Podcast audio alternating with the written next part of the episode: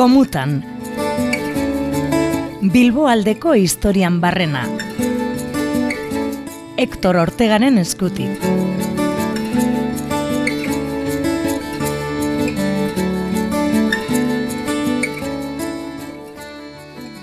Ez dira asko Bilbo aldera lege zaharrean etorri ziren katalanak. Egiari zor, ez da beste lekuetakoak ere. Osotasunari dagokionez, Bizkaiak araudi zorrotza zeukan eta.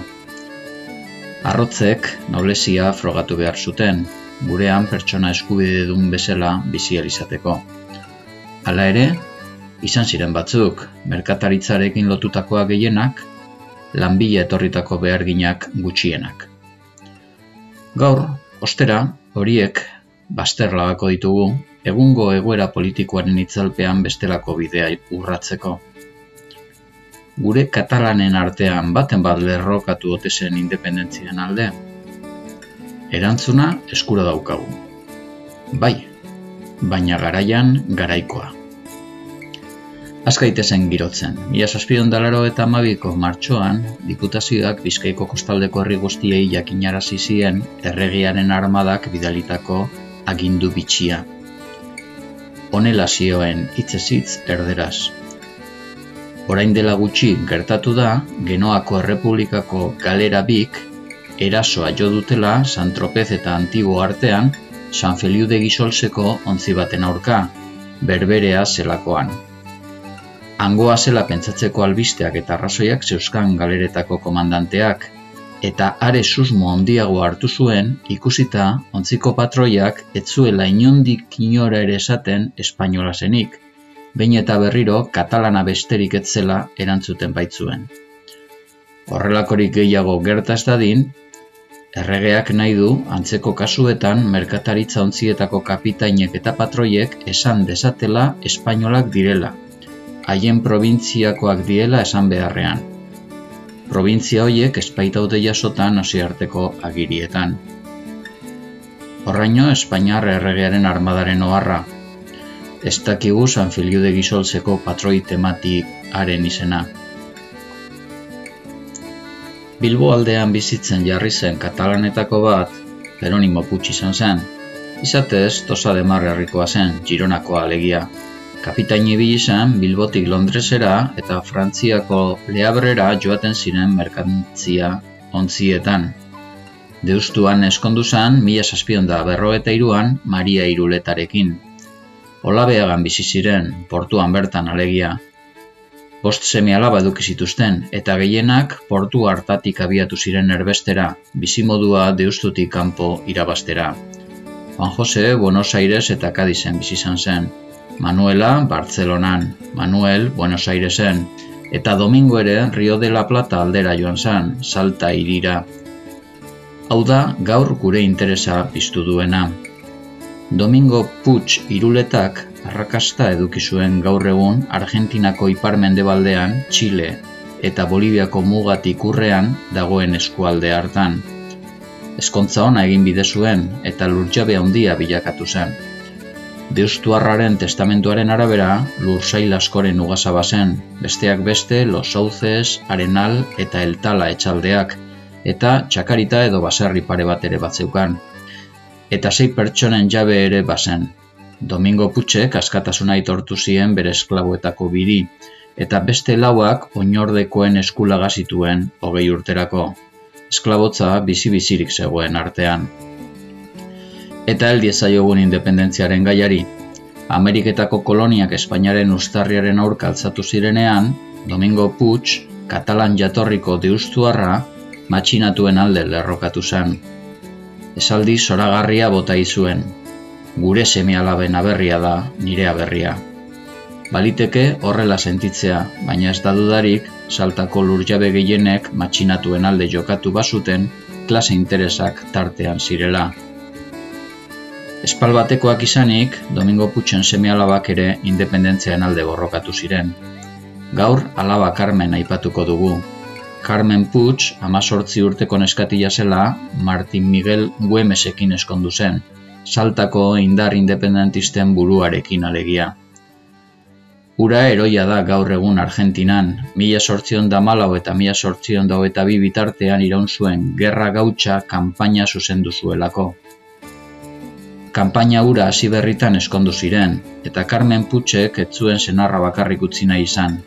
Haren ondoan egon zen borrokaldi arriskutsu hartan, harik eta umedun gelditu zen arte. Ondoren, etxera erretiratu zen. Urrengo hilabeteetan berriro batu zen borrokaren buru zebilen senarrarekin, eta iesaldi zirarragarria egin behar izan zuen espainolek salta hartu zutenean mila sortzireun dagoeiko maiatzean. Semebi zeramatzan aldean, hiru urtekoa zaharrena urtebetekoa gazteena, eta aurdun zegoen berriro.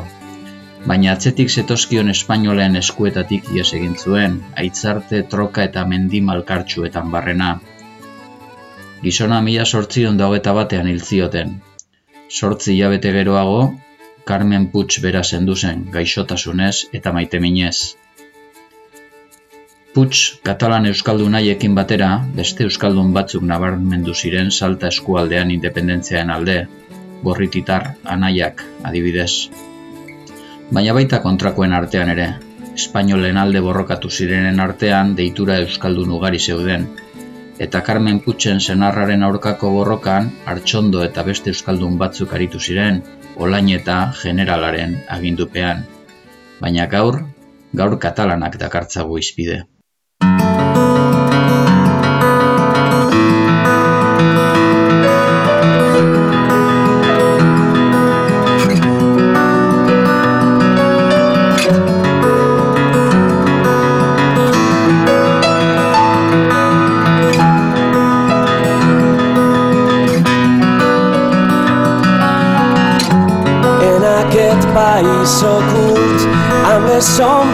Vaig jugant, intentant ser jo mateix, pintant un endemà, tot allò que no puc ser, raja sempre del meu cant.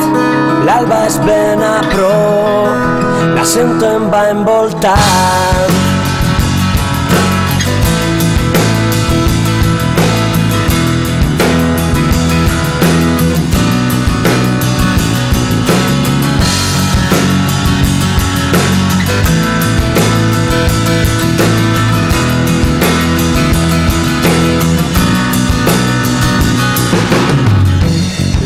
història ja se sap, no tothom l'explica igual.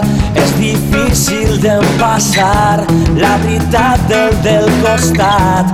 Ara a prop els oprimits, un poema vull cantar. Tota l'amargor que volen amagar.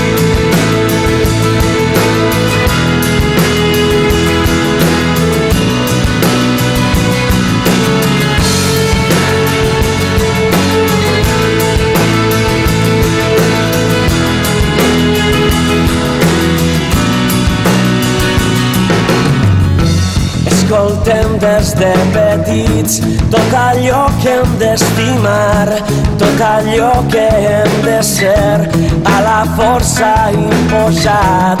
Ara a prop els oprimits cantaré una cançó. Coberta tenen ja tota l'amargor a la soledat